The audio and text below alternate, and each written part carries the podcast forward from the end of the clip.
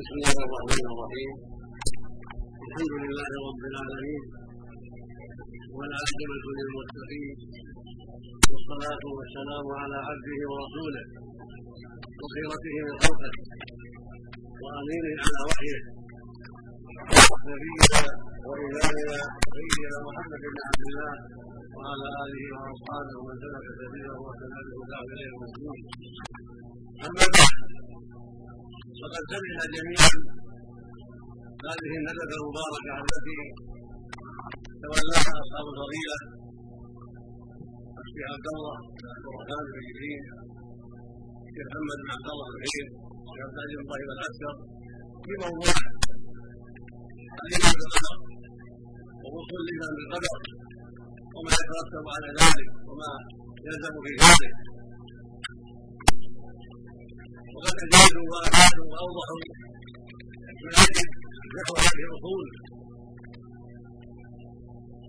فجزاهم الله خيرا وضاعف مثوبتهم وزادنا وإياكم وإياهم علما وهدى وتوفيقا ونفعنا جميعا بما سمعنا وعلمنا وزادنا من العلم النافع والعمل الصالح وسائر المسلمين الإيمان بالقدر معلوم أنه من أصول الإيمان قد تكلموا على اصول الإيمان الستة.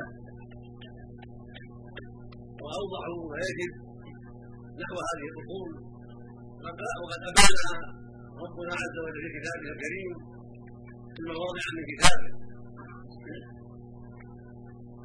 وسمعتم قوله تعالى ليس البر أن تولوا وجوهكم قبل المشرق والمغرب ولكن البر من آمن بالله واليوم الآخر والملائكة والكتاب والنبيين. هذه الأصول خمسة آمن بالله واليوم الآخر والملائكة والكتاب والنبيين. كما في هذه الآية سبحانه وتعالى. وذكر قدر مواضع أخرى بقوله جل وعلا إنا كل شيء خلقناه بقدر. وبقوله ما أصاب المصيبة في الأرض ولا في أنفسكم إلا في كتاب. من قبل أن نبرأها إن ذلك على الله يسير. وفي قوله سبحانه أن تعلم أن الله يعلم ما في السماء إن ذلك في كتاب إن ذلك على الله يسير فالإيمان بهذه الأصول لا بد منه وقد أوضحه النبي صلى الله عليه وسلم في حديث جبرائيل لما سأل عن الإيمان والإحسان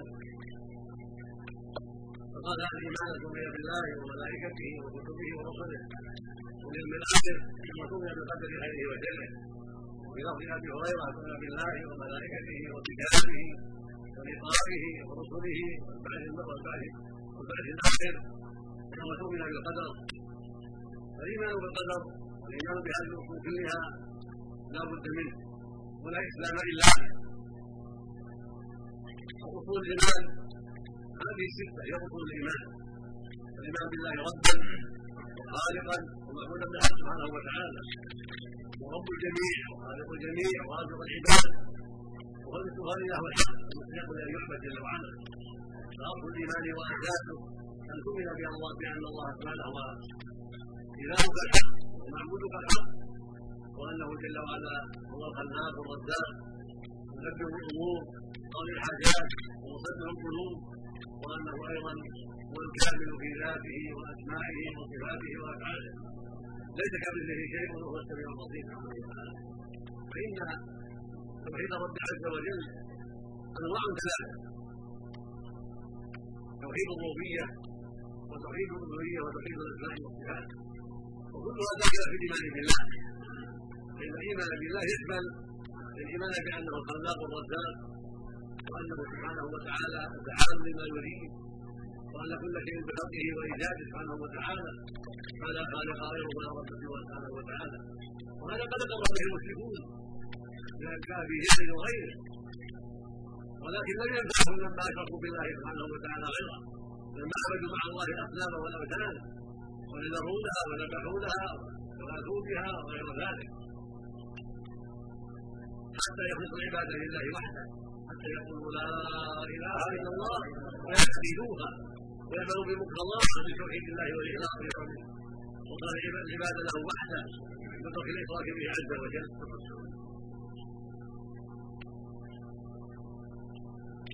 لا بد من توحيد الله في العبادة. وهذا هو معنى لا إله إلا الله. في معناها لا معبود حق إلا الله. كما قال عز وجل ذلك بأن الله هو الحق. وان ما يدعون من دونه هو الباطل وفي حديث أبي هريرة رضي الله عنه لما جعله جبرائيل عليه السلام قال الاسلام أن تعبد الله ولا تشرك شيئا. وتقيم الصلاه إلى اخره وبين مكان الشهادتين العباده لله وحده وترك صاحبه سبحانه وتعالى. لأن هذا هو المقصود من الشهادتين. عباده الله وحده وتخصيصه بالعبادة دون غيره ولا يشرك به سبحانه وتعالى. مع الايمان باسمائه وصفاته وانه الخلاق والرزاق مدبر الأمور وسائر افعاله سبحانه وتعالى مع الايمان بان محمدا رسول الله هذه اصول لا بد منها ويدخل في الايمان بالله الايمان باسمائه وصفاته وانه سبحانه له الاسماء الحسنى وصفات الحسنى كالسميع والبصير والخلاق والرزاق والقدوس والملك والجبار وغير ذلك سبحانه وتعالى فله الأسماء الحسنى وله الصفات الحسنى وهو الله جل وعلا باسمائه وصفاته وجميع ما يستحقه سبحانه وتعالى. وهكذا الايمان بالملائكه سمعتم من الله وملائكته وبكتبه ورسله. لا بد من الإيمان بملائكة الله وأنهم هم عباد مكرمون خلقهم الله من النور كما في الحديث الصحيح. خلقت الملائكة من النور وخلق آدم من مرسلات من الطين وخلق الشيطان من من الأرض الله خلق آدم من الطين وخلق الشيطان من من النار وخلق الملائكة من النور فاصله النور عليه الصلاة والسلام.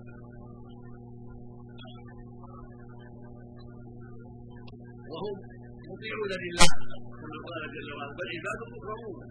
لا يسبقونه بقوله وهم بأمره يعملون. يعلم ما بين أيديهم وما خلفهم ولا يشفعون إلا بما شاء الله وهم ذلك فيهم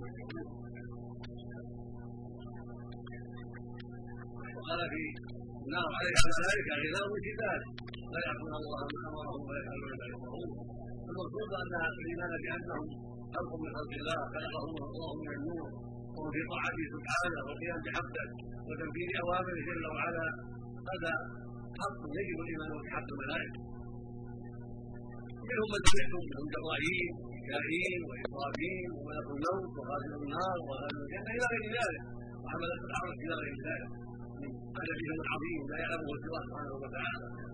وصحابي الحديث عنه عليه السلام أنه قال إنه يدخل البيت المعمور في السماء السابعة وبيت العبادة يدخل كل يوم سبعون ألف ثم يعود اليه كل يوم سبعون ألف ثم يعود اليه في العبادة. كل يوم سبعون ألف غير الذي دخله الأيام السابقه وهكذا من بعده هذا يدل على كثرتهم العظيمه وأنه لا يعلم عددهم سواه سبحانه وتعالى. وهكذا الإيمان. واظن بقول بعض الائمه الأئمة في العقيدة انه لا يصح وصفهم بالذكور ولا بالانوثه هذا اما وصفهم بالانوثه فهذا منكر وكفر وضلال. فننقله انكره الله على المشركين وقال سبحانه ردا عليهم. وجعلوا الملائكة من عباد الرحمن إناثا. اكلموا خلقهم. فيلزم شهادتهم ويسالون فقد امرهم الله بذلك في جميع الآيات التي شرعت سبحانه وتعالى كتابه العظيم. لكن الملائكة وصفهم بصفات صاحب الصورة لا بصفات الجنان ولهذا حكم على المشركين وصفهم بصفات الجنان وجاء من جاء منهم في تشكله باخوان الرجال.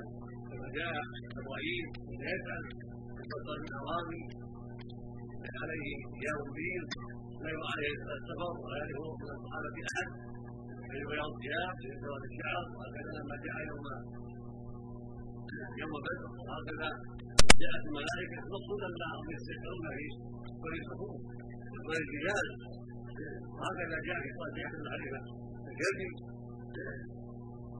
وجاء في سوره عمر المسعود المقصود ان انهم ياتون ويتكلون في الرجال لا صلاه النساء لا صلاه الاناث وهم مطلوبون بصفات الرجال ما في الذكور ولا بصفات الاناث ولكن لا يعلم كيفية خلقهم وصفة خلقهم وحقيقه خلقهم إلا هو سبحانه وتعالى. تفصيل خلقهم. وما هم عليه والله الذي يعلم سبحانه وتعالى. وهم اقسام كما قال جل وعلا دائما يقال يجنح مثنى وثلاث ورباع يزيدها بما يشاء ونفس جبرائيل له ست جناح صدقة التي خلقه الله عليها له ست مائة جناح كل جناح منها ما اتقى واذا اراد الله ياتي في صوره الانسان جاء في صوره الانسان الله على كل شيء قدير سبحانه وتعالى ولا يعلم عظم خلقهم وقوتهم ومثل ذلك الا الذي خلقهم سبحانه وتعالى هو الخلاق العليم العالم باحوالهم وقوتهم سبحانه وتعالى وما جعل فيهم من القوة التي خلقهم بها سبحانه وتعالى. فلست جبرائيل فلما جاء قوم نوح نفسه. جعل عليها ساكنه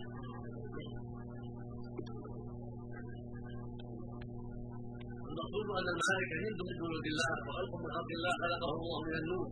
وهو في طاعته وتنفيذ اوامره لا يكون لا يكون امرا عليه الصلاة والسلام. وهم انواع واقسام منهم من موكل بالعرش وقابل بالعرش وعلى منهم من بالعرش ومنهم من موكل بالجنه ومنهم من موكل بالنار ومنهم موكل بالبناء من يكتب الحسنات ويكتب السيئات إلى غير ذلك. ومنهم سيئون في الأرض يلتمسون مواضع الذكر ويحضرون مع حلقات الذكر مع العباد ثم يصعدون إلى ربهم عز وجل.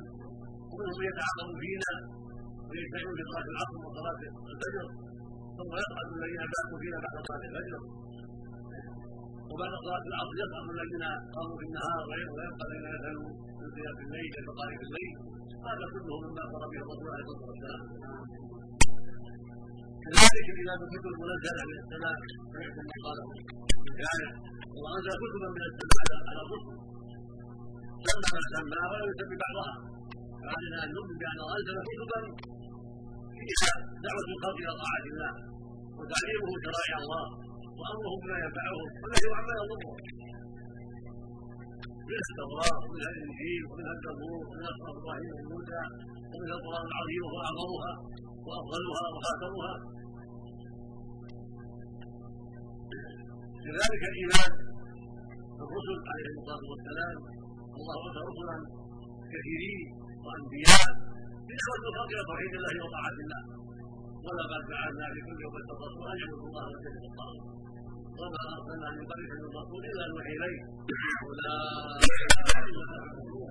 منهم من قصه الله علينا.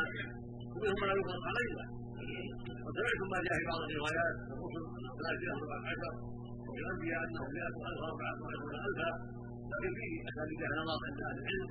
والمقصود أنهم كثيرون والانبياء كثيرون والرسل اخصهم وافضلهم اخصهم وافضلهم والانبياء والرسل جمعوا بين النبوة والرسالة في الخلق بدعوتهم إلى طاعة الله وتوحيده والاخلاص له وانزالهم بعده ونقمته.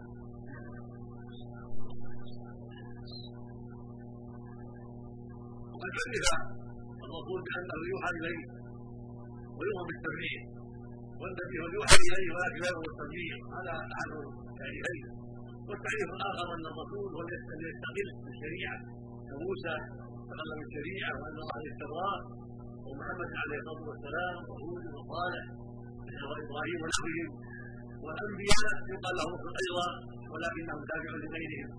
كانبياء بني إسرائيل تابعين لموسى تابعين لشريعه التوراة فهم رسل لكنهم تابعون لشرائع نزلت على رسل قبلهم كالتوراة المنزلة على موسى فإن من جاء بعدهم داوود وعيسى كلهم تابعون لهذا وهكذا بقية الأنبياء.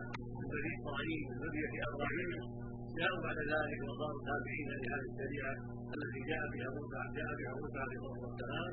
ولا حصل فيها بعض التخفيف والتيسير على أجل من بعد من بعد من الرسل كما جرى عليه عيسى عليه الصلاة والسلام. من تخفيف بعض ما قدم عليهم وبيان بعض ما اختلفوا فيه.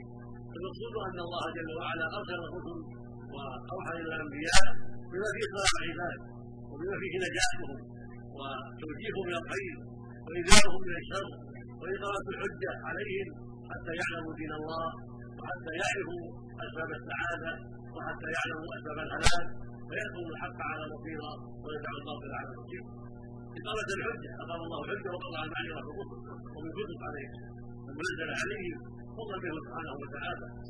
قد بين الطريق وأوضح الصراط المستقيم. بما أنزل الكتب وبما أرسلنا الرسل والأنبياء عليه الصلاة والسلام. يعلم ما يؤمن به يعلم يقينا ويؤمن ويصدق أن الله جل وعلا له ملائكة نفعهم في طاعته سبحانه وتعالى وله كتب أنزلها على أنبيائه ورسله ويؤمن ويؤمن بما خص من ذلك. يخص من الملائكة امن به مرسلا إبراهيم وميكائيل وإسرافيل والموت ومالك هذه النار وبعد ذلك.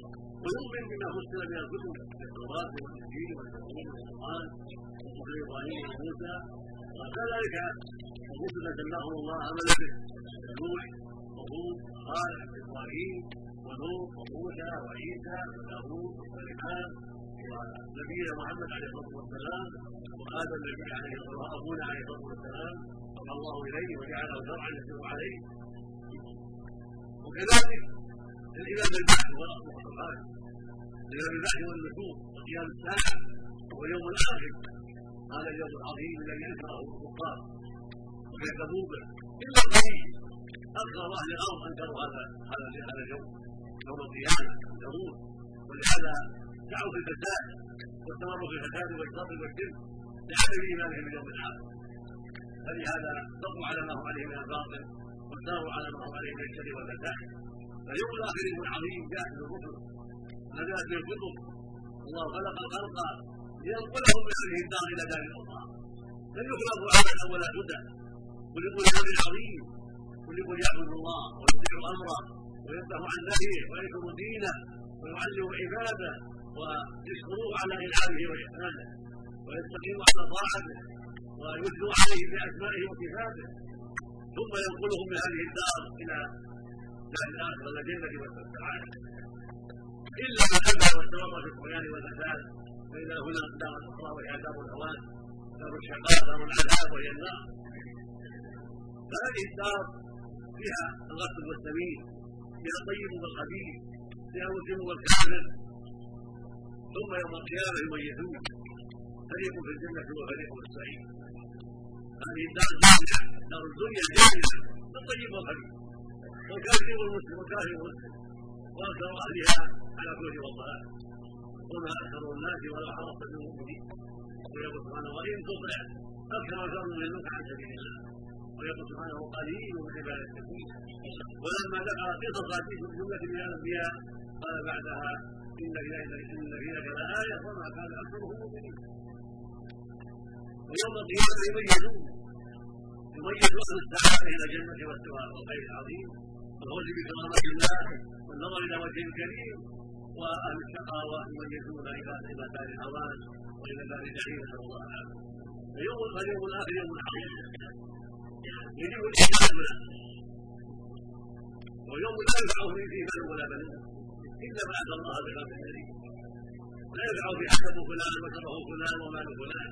ونسب فلان. ولكنها الأعمال. كما قال عز وجل وما أموالكم ولا أولادكم بالتي تبينها زلفى إلا من آمن وعمل صالحا.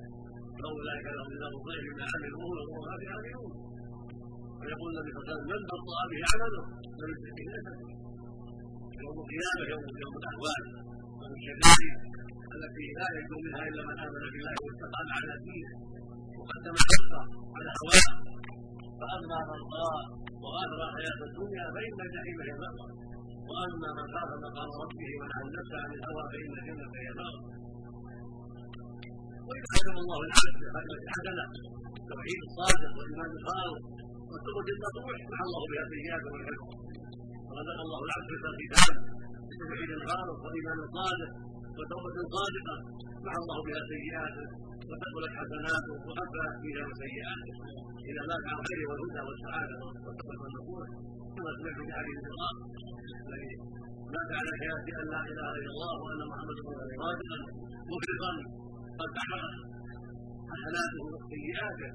ومات على عمل صالح على توحيد صادق توحيد خالص وايمان صادق مع الله من سيئاته لأنه وقع عن احرار وعن صدق وعن ما يتضمن التوبه هو عليه من سيئات والرجوع عنها وأنه على غاية من النصح لله بتوحيده وإيمانه به. حتى قضى هذا الايمان الصادق وهذا الايمان الخالص بما ثابت التوبة التي مع الله بها سيئاته وحق فيها ميزان سيئاته ورجح فيها ميزان وكل مسلم له هذه البطاقه المسلم عنده هذه البطاقه لكن بعض المسلم عنده هذه البطاقه وعنده سيئات. ومعاصي ما كان يكون منها. ولم يحقق توحيده منها. فترفع السيئات ويدخل النار ويعذب بسبب موته على السيئات والاعمال السيئه القبيحه فان المعاصي تنقص التوحيد وتنقص الإيمان. وتضعف الإيمان حتى لا يصلح حتى نقبل السيئات ولا حول ولا قوة إلا بالله. لكن إذا مات على توحيد صادق خالص من جميع السيئات فإن هذا يحيط الله به السيئات ويكثر به الميزان وتكون هذه الحقيقة التي مات عليها الصدق والاخلاص بمثابه التوبه الصادقة التي احقت السيئات ورجع الله بها حسناته على السيئات.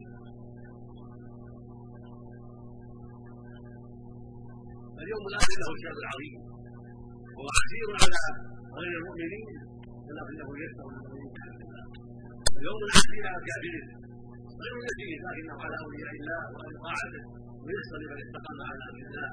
وحافظ على حقه. واستقام على دينه. ومات على امره سبحانه وتعالى. والله جل وعلا يحكم عليه ويحكم ميزانه. ويحاسب حسابا يسيرا فينظره فينظر إلى الجنة والسعادة والعافية.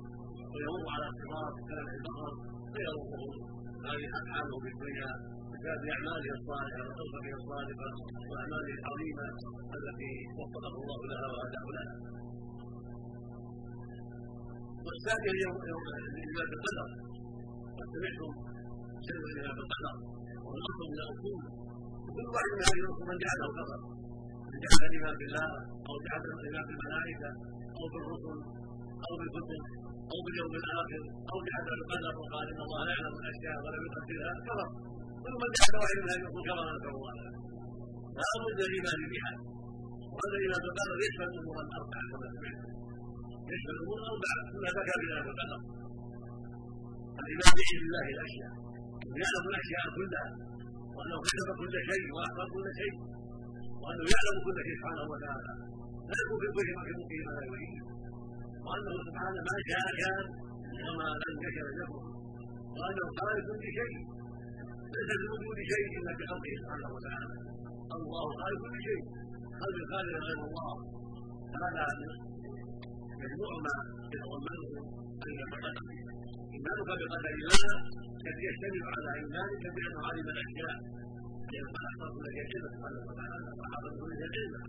إن الله بكل شيء عليم لتعلموا ان الله على كل شيء قدير وان الله قد حافظ كل شيء ومن ذلك علم اعمالنا حسناتنا وسيئاتنا وما قدمنا وقد كتب كل شيء سبحانه وتعالى كما قال عز وجل الم تعلم ان الله يعلم ويشعرون ذلك بكتاب ان ذلك على الله يسير فلا قال المصيبه قال ولا يكون في كتاب قبل ان الله على الله ويقول النبي صلى الله عليه وسلم ان الله قدر مقادير الخلائق قبل ان يخلق السماوات بخمسين الف سنه وعرش اعلم فقدر كل سبحانه وتعالى وعلم كل شيء جل وعلا.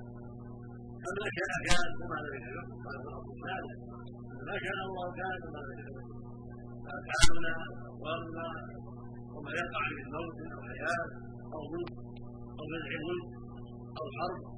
أو سلام أو سلم أو غير ذلك كله مشيئه سبحانه وتعالى لا في الدنيا شيء بغير جل وعلا قال جل وعلا لمن شاء ذكر وما يشكرون إلا ان شاء الله. وقال لمن يستطيعون ما تشاءون إلا ان شاء الله وقال سبحانه إنما أمره يخاف شيئا إذا شاء شيئا أن يكون له فيكون سبحانه وكل شيء بيده جل وعلا كل شيء بمشيئته لا يكون في ما لا يريد فقدر ما شاء بما سبق به علمه من طاعات ومعاصي واحيان وارزاق وقد يقع على علمه سبحانه وتعالى والعباد لهم مشيئه ولهم اراده ولهم افعال قدرهم الله عليها لعلهم افعال ولعلهم مشيئه ولعلهم اختيار ولعلهم اراده يجازون عليها يحاسبون عليها كما قال لمن شاء ويستقيم وما تشاءون الا شاء الله لمن شاء ذكر ما يكون الا شاء الله. إن الله خير ما يصنعون إن الله خير ما يفعلون وما ربك بغافل عما يعملون. لهم اعمال ولهم مشيئه ولهم اراده يريدون على الدنيا الله من الآخرة. والعبد له إرادة. يصلي ويصوم بإرادته. يزني ويسرق ويظلم بإرادته. ومشيئة ولا إرادة وهو جاد على العمل الطيب من صلاة وصوم وإحسان وصدقة ونحو ذلك ويستحق العقاب على ما من السوء زنا سرقة أو ظلم أو غير ذلك المعاصي فله سيئاته وله حسنات لها ما كسبت وعليها ما كسبت فعلى المؤمن أن يؤمن بهذا الامر السادس الايمان اي وجه وان تعلم ان الله قدر اشياء كلها الارزاق والاجال والاعمال وأنت تظلمه وقدر عليك حتى الشقاوه والسعاده يطلب به قدر عليه ذلك من القدر السابق التفصيل من القدر السابق. هناك قدر سابق. وهناك من عمري يقسم على الإنسان وتكون وهناك تقدير سنوي في هذا القدر وهناك تقدير يومي. يحرم ربكم ما يكاد الله سبحانه وتعالى. كل يوم له لسان جل وعلا.